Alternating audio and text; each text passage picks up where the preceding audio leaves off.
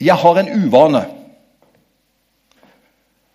Når jeg våkner om morgenen, så noe av det første jeg gjør Jeg har mobilen min på nattbordet, og så tar jeg fram Og det første jeg gjør, jeg ser hva er klokka. Og som regel så er klokka mellom fem og seks om morgenen. Jeg blir irritert hver gang at den skal være så tidlig, for da er jeg våken. Og så, Det andre jeg gjør når jeg får sjekka klokka, det er har det skjedd noen nyheter i løpet av natta. Og da må jeg si at jeg tror ikke det er oppbyggelig, jeg sier nå, men det første jeg slår på, det er VG Nett. Så går jeg inn på VG Nett, og så ser jeg hva har skjedd. Og så tar jeg også noen andre aviser, men VG Nett er dessverre den første jeg ser på. Jeg bekjenner mine synder her, så har jeg frimodighet når jeg skal tale. Og det var to ting som kom opp i dag. Eh, det har vært knivstikking i Stavanger. Én kom på sykehus i natt. Det var en av de store første tingene som var øverst når jeg var inne. Og så sto det litt lenger nede Trump er et ufordragelig menneske. Og så sto det noe om det, og så sto det litt andre ting. Det var det som møtte meg når jeg så på VG Nett i dag. Og jeg sier dette helt bevisst. Fordi hvis vi er inne mange ganger på de sosiale mediene i løpet av en dag, og ikke er innom Bibelen, er du enig med meg da at vi får en veldig skeiv informasjonsstrøm? Og tenk på alle de mennesker, nå tenker jeg på kristne mennesker, som er så på nett når det gjelder alt annet som påvirker oss. Og så glemmer vi kanskje den viktigste påvirkningen som vi virkelig trenger. Det er Bibelen. Det er Guds ord. Nå er det mange som har den på mobilen sin. Og da er det like godt ikke sant, som å ha den i en bibel. Men vet du hva? Jeg vil gi et slag på vi trenger en åndelig påvirkning. Og hvis den uteblir, ja, da forstår jeg at vi som folk blir skakkjørt og at vi etter hvert får problemer. For da er det negative ting hele tiden som påvirker oss. Og det skal sterk rygg til å bære det. Kan det være en påminnelse til oss? La oss også ikke glemme den viktigste av alle påvirkningene, den vi får gjennom Guds ord, gjennom Bibelen. Så blir disse tre stående. Nå begynner jeg på talen min. Tro, det var for uh, to søndager siden håp. Det var for én søndag siden, og i dag kjærlighet. Og størst blant dem er kjærligheten. Det står veldig mye om kjærligheten i Bibelen, og særlig i Johannes første brev. Så det kan jeg gi som et tips hvis du vil uh, ha mye kjærlighet i jula. Og det ønsker vi jo. Les gjerne Johannes første brev. Et fantastisk brev. Ikke mange kapitler heller. Jeg skal ta utgangspunkt fra Johannes første brev i dag. Jeg syns det brevet representerer kanskje mest av alt det som er temaet i formiddag. Det som blir stående kjærligheten. Og Da vil jeg at vi skal lese fra 1. Johannes 4, 10-16. Og jeg leser det i Jesu navn. I dette er kjærligheten ikke at vi har elsket Gud, men at Han har elsket oss og sendt sin sønn til soning for våre synder. Dere kjære, hvis Gud elsket oss slik, så skylder også vi å elske hverandre. Ingen har noen sinne sett Gud. Dersom vi elsker hverandre, blir Gud i oss, og hans kjærlighet er gjort fullkommen i oss.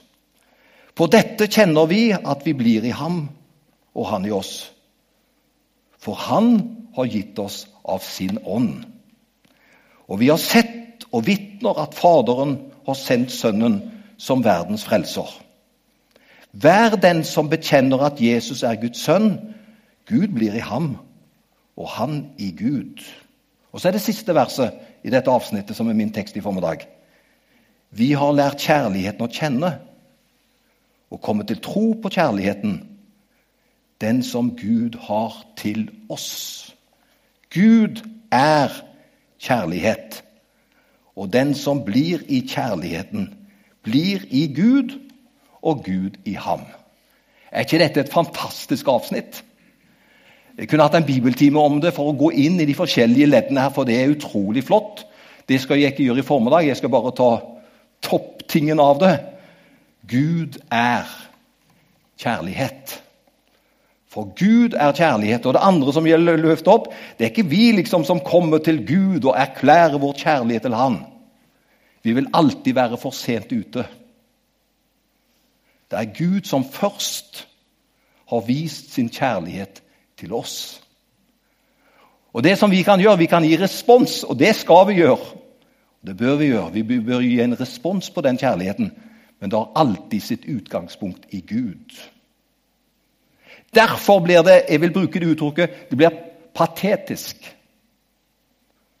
når man i verden i dag snakker om kjærlighet. Og så blir alt skjøvet unna, for kjærligheten får forkjørsrett. Og alt skal liksom styres og reguleres. Er det greit for meg, og jeg har kjærlighet, da er det det som er kriteriet, og ingenting annet. Det er tonen ute i verden. Og Da er det det som styrer teologien til noen. Det styrer holdninger ut i samfunnet. Bare vi har kjærlighet, så det er greit. Og da trenger ikke det andre være så nøye. Bare kjærligheten er der.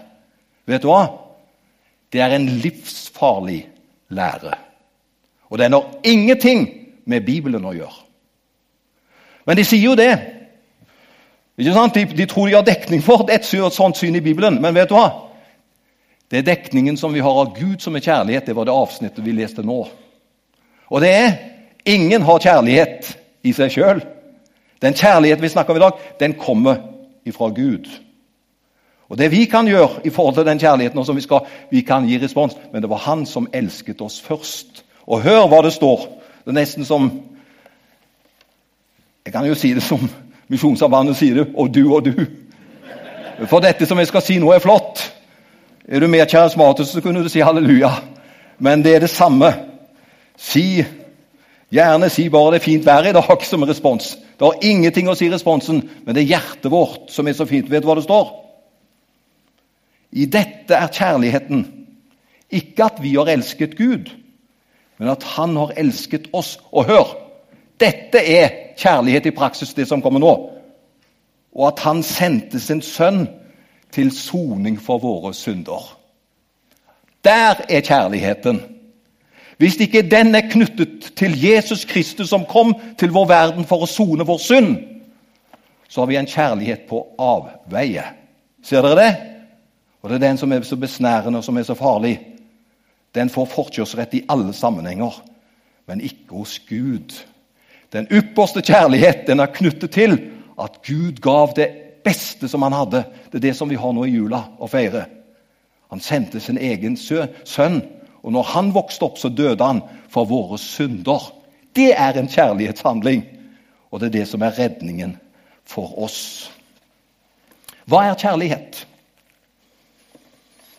Det ordet som er brukt om Gud, for det står 'Gud er kjærlighet'. Da skal det føre det ordet som blir brukt på kjærlighet her. Det heter agape. Det Gud er ikke eros. Gud er ikke filos. For det er to andre ord som også inkluderer kjærlighet. Men Gud er agape. Det beskriver en uselvisk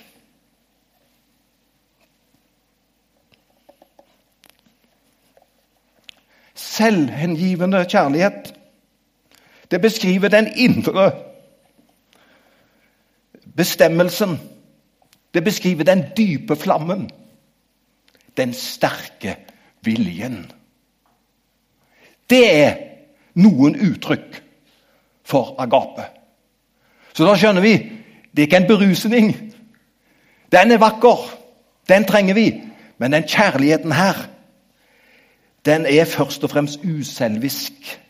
selvhengivende. Den indre bestemmelsen, den dype flammen og den sterke viljen. Er det ikke flott? Det er den kjærligheten. Og den kan vi stole på i alle forhold.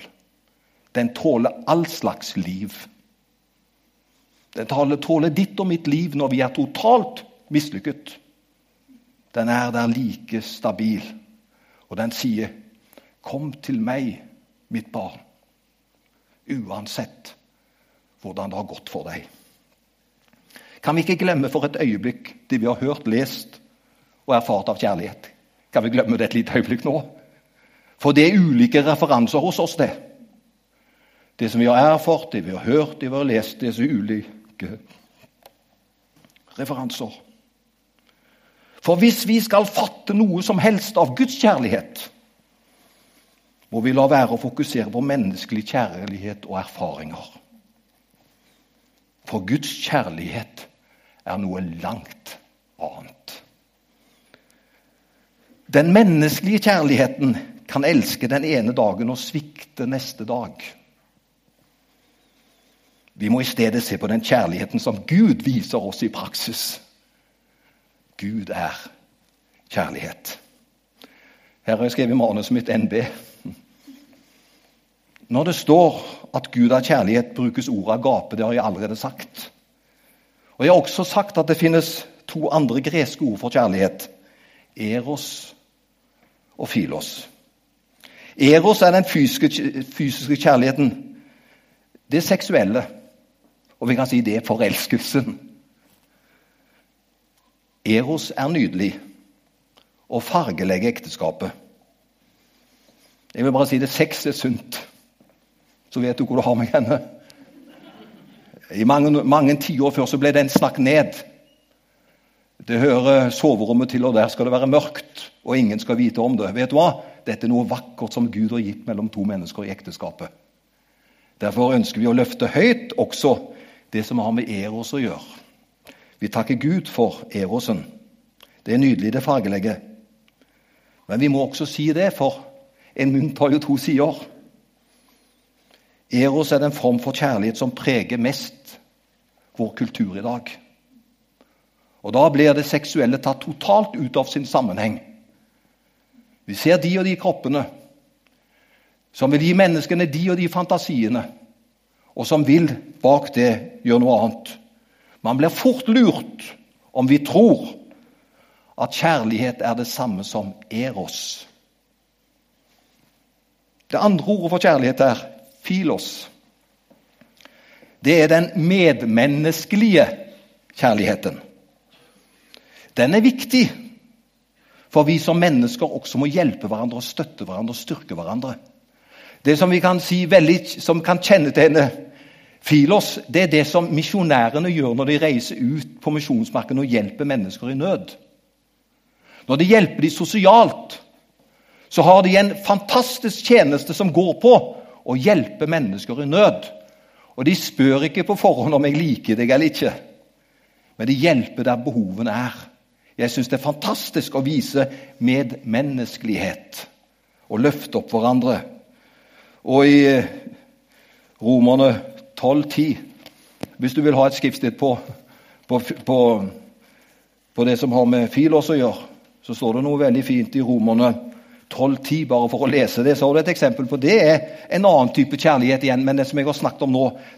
og den skal være til stede i menigheten. Mellom oss. For i Romerne 12,10 så står det Vær elskverdige og kjærlige mot hverandre i søskenkjærlighet. Og så sto det vel i den gamle 'kappes om å hedre hverandre'. Vet du hva det er? Det er filos. Da kappes du om å hedre hverandre. Vi løfter hverandre om. Vi viser rett og slett oppbyggelig medmenneskelighet. Og vi skjønner det. Vi trenger den siden av kjærligheten, for den er konkret. Den gjør noe mellom relasjonene. Og det må jeg bare si. Et av de ønskene jeg har for denne menigheten, og for meg og for oss og for vår fellesskap, det er at denne kjærligheten må bare blomstre og gro. Vet du hva? Da blir det en fantastisk atmosfære. For da er vi med oss og løfter hverandre opp. Så den type kjærlighet, som heter altså filos, den trenger vi. Og den får vi alt efter som vi ønsker det. Men eh, den er også ute i verden. Sa han at han er ute i verden? Ja. vet du hva? Jeg har opplevd så mange mennesker ute i verden som er så snille. De er så opptatt av å gjøre gode ting i denne verden. Så i noen sammenhenger så kanskje må vi kristne lære av dem. Så dette med Eros vet vi, det er allment. Men Filos også. Det er noe som vi ser, men det bør absolutt være til stede i Guds menighet og i Misjonskirka i Stavanger. Men Guds kjærlighet er noe helt suverent. Kjærligheten er nemlig ikke, som vi leste i 1. Johannes 4,10 Kjærligheten er ikke at vi har elsket Gud, men at Han har elsket oss og sendt sin sønn til soning for våre synder. Da snakker vi om en annen dimensjon i kjærligheten. Vil du erfare Guds kjærlighet? Vet du hva? For det er jo viktig at man ikke bare forkynner, men at man kan nyte godt av det og bruke det i hverdagen. Og dette som jeg sier noe om kjærlighet, det kan du bruke fra kirkekaffen av og gjennom livet ditt videre. Vil du erfare Guds kjærlighet?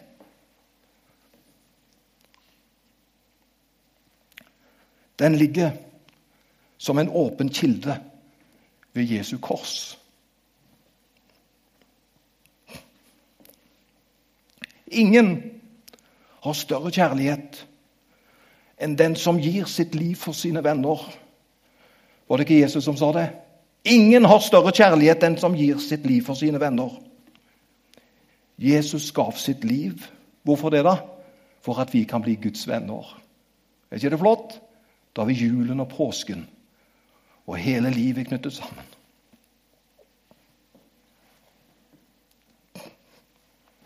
Skal vi få av denne kjærligheten, så må vi holde oss nær til Jesu Kristi kors. Eller for å si det enda enklere vi må holde oss nær til Jesus.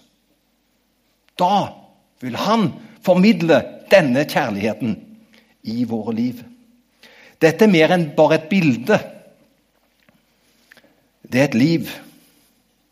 Og dette viser Jesus i dag for mennesker over hele verden. Er ikke det fantastisk?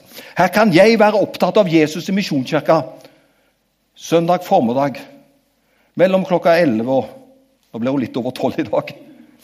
Så kan jeg oppleve at Jesus møter meg, og jeg får oppleve Jesu kjærlighet i mitt liv konkret. Det samme får de oppleve i Hongkong, i Afrika. Like til jordens ender. Hvorfor det, da?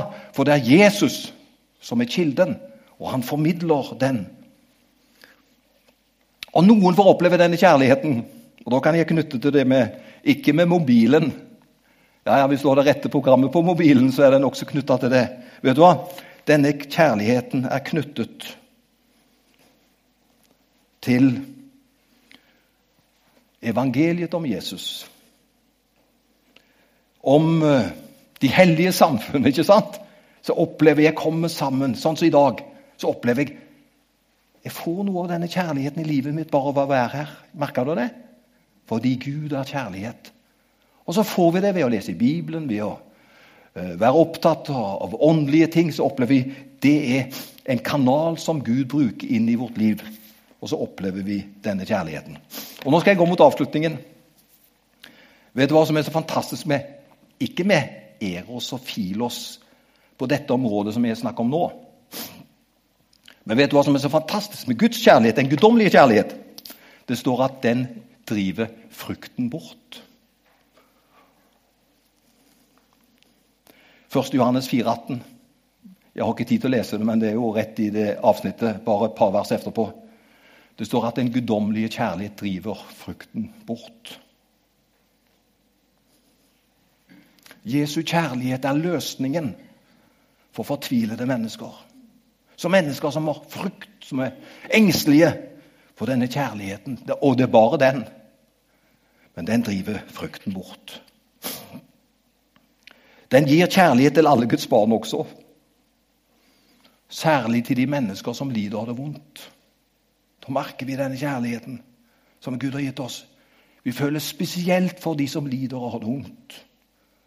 For det er i kjærlighetens vesen.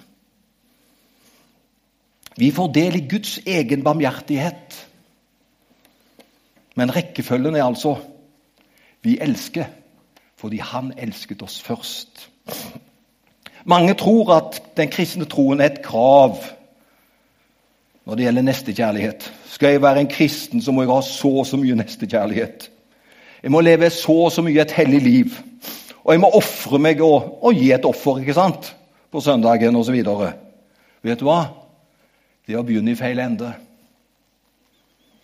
Den kristne tro er ikke et krav. Vet du hva den kristne tro er? Det er en gave. Det er noe fantastisk som vi kan få motta i livet vårt. Og Guds kjærlighet er en kilde som vi alle sammen kan øse av. Den kristne trosregel er ikke 'vis mer kjærlighet og bli, be Gud om å bli snillere'. Det er ikke den kristne trosregel. Vis meg mer kjærlighet, Gud, og be meg om å bli snillere. Nei. Den kristne trosregel er vi elsker. Fordi Han elsket oss først. Amen.